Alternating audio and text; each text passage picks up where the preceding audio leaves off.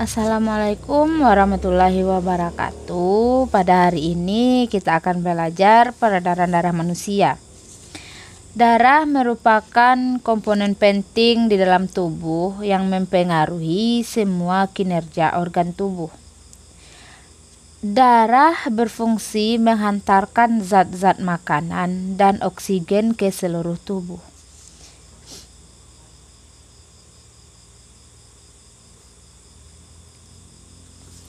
Satu, peredaran darah manusia.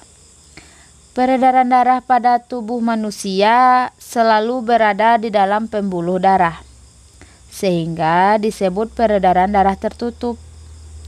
Darah yang banyak mengandung sari-sari makanan beredar dan tersebar ke seluruh tubuh.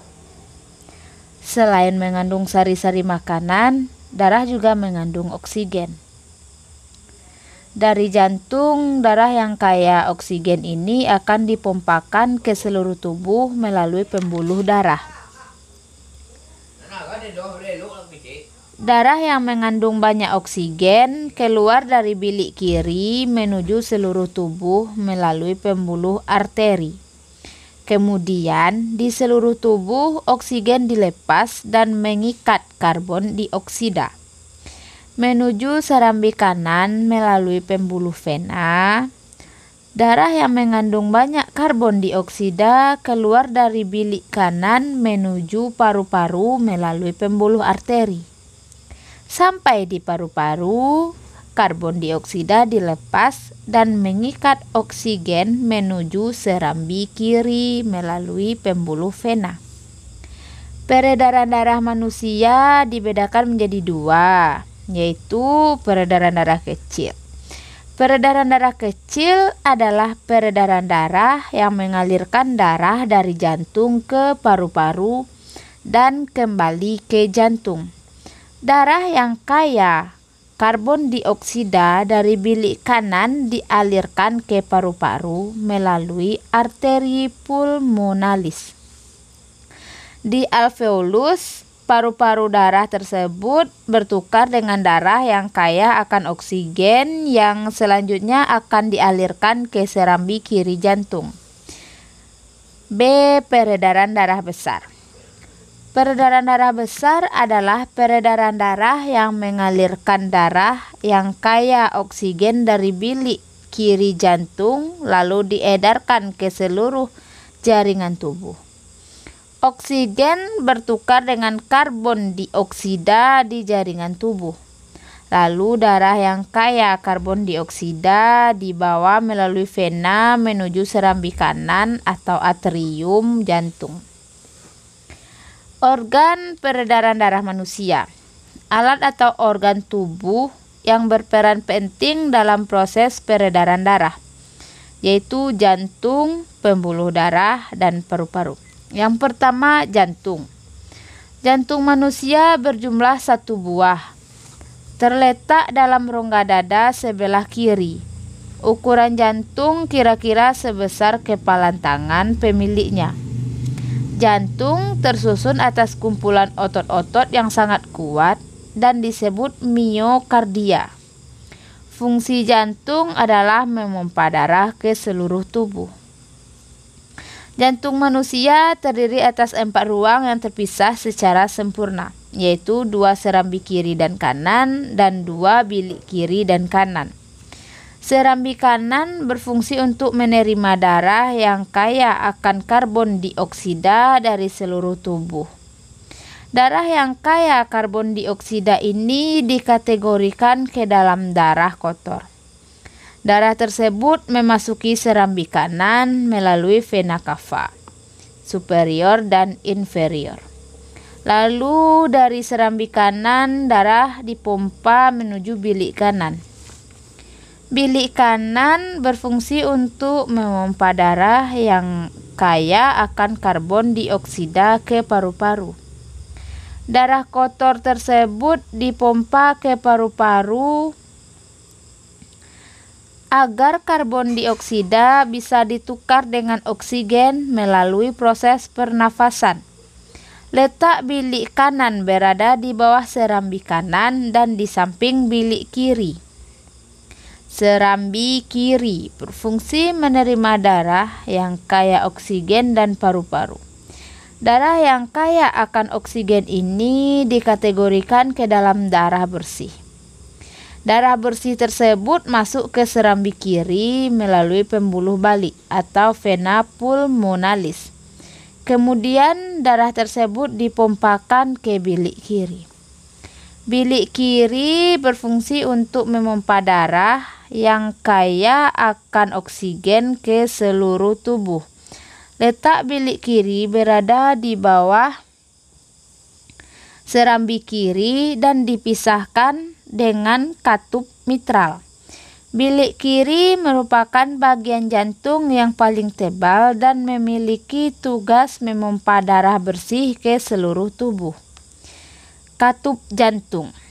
Katup jantung berfungsi menjaga agar aliran darah hanya bergerak ke satu arah. Maka di antara bilik dan serambi terdapat klep atau katup.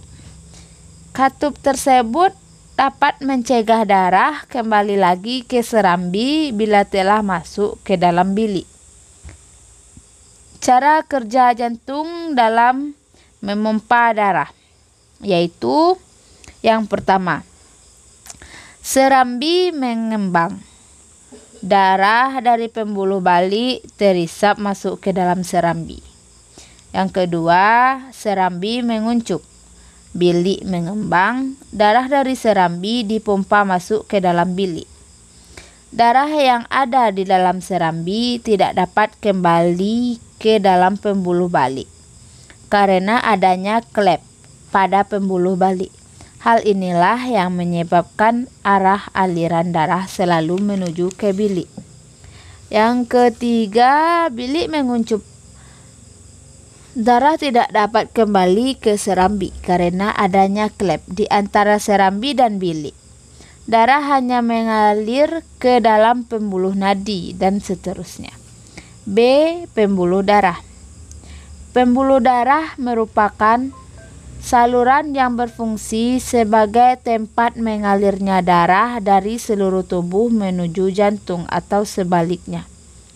Pembuluh darah ada tiga, yaitu pembuluh nadi, arteri, pembuluh balik, vena, dan pembuluh kapiler. Satu, pembuluh nadi. Pembuluh nadi atau arteri berfungsi untuk mengalirkan darah keluar dari jantung. Ciri-ciri pembuluh nadi yaitu letaknya tersembunyi di dalam Dindingnya tebal dan elastis, denyutnya terasa dan memiliki satu katup dekat dengan jantung. Jika pembuluh ini terpotong, maka darah akan keluar memancar. Pembuluh nadi dibedakan menjadi tiga jenis, yaitu A. Aorta merupakan pembuluh darah arteri yang keluar dari ventrikel kiri. B. Arteri merupakan percabangan dari aorta. C. Arteriol merupakan pembuluh nadi yang berhubungan dengan kapiler. Yang kedua, pembuluh balik. Pembuluh balik atau vena berfungsi mengalirkan darah menuju jantung. Ciri-ciri pembuluh balik yaitu di permukaan. Dindingnya tipis dan tidak elastis. Denyutnya tidak terasa dan memiliki katup di sepanjang tubuh. Jika terpotong, darahnya akan menetes keluar. Pembuluh vena dibedakan menjadi tiga jenis sebagai berikut. Vena cava merupakan pembuluh vena yang mengalirkan darah dari seluruh tubuh ke jantung melalui atrium kanan. Venula merupakan pembuluh vena yang berhubungan dengan kapiler. Vena pulmonalis satu-satunya pembuluh vena yang mengalirkan darah kaya oksigen dari paru-paru menuju atrium kiri. Perbedaan antara pembuluh nadi dan pembuluh balik. Pembuluh nadi berisi darah bersih kaya oksigen, sedangkan pembuluh balik berisi darah kotor atau kaya karbon dioksida. Pembuluh nadi mengalirkan darah dari jantung ke seluruh tubuh.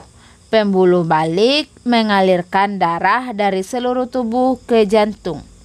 Pembuluh nadi denyutnya terasa, Pembuluh balik denyutnya tidak terasa. Pembuluh nadi jika terluka darah meluncur deras. Pembuluh balik jika terluka darah hanya menetes. Pembuluh nadi dinding pembuluh kuat, tebal dan elastis. Pembuluh balik dinding pembuluh tipis dan tidak elastis. Pembuluh nadi letaknya agak ke dalam tersembunyi dari permukaan tubuh Pembuluh balik letaknya dekat permukaan tubuh dan tampak kebiru-biruan. Yang ketiga, pembuluh kapiler. Pembuluh kapiler merupakan pembuluh darah yang sangat halus dengan dinding yang sangat tipis dan berpori. Pembuluh ini merupakan bagian ujung dari pembuluh arteri dan vena. Pembuluh kapiler berfungsi sebagai tempat pertukaran antara oksigen dan karbon dioksida. C. Paru-paru. Selain jantung dan pembuluh darah, paru-paru juga berperan penting dalam proses peredaran darah manusia. Dalam proses peredaran darah, paru-paru berperan sebagai penyuplai oksigen ke dalam darah. Darah yang telah diedarkan ke seluruh tubuh tidak lagi mengandung oksigen, akan tetapi banyak mengandung karbon dioksida. Setelah kembali ke jantung, darah yang akan mengandung karbon dioksida tersebut dipompa ke dalam paru-paru. Selanjutnya, karbon dioksida diambil dan diganti dengan oksigen melalui proses pernafasan. Paru-paru terdiri atas ribuan tabung bercabang tabung bercabang yang jumlahnya ribuan, semakin ke ujung semakin mengecil. Pada ujung yang mengecil terdapat kantong udara. Kantong udara tersebut dinamakan alveoli. Masing-masing alveoli memiliki jaringan halus kapiler. Pada jaringan halus kapiler inilah tempat terjadinya pertukaran oksigen dan karbon dioksida. Sekian uh, pembelajaran kita untuk peredaran darah manusia. Bagi anak-anak ibu mm, yang tidak bisa dipahami, silahkan bertanya. Dan bagi yang sudah paham, silahkan menyimpulkan apa peredaran darah manusia, apa organ peredaran darah manusia, apa fungsi darah.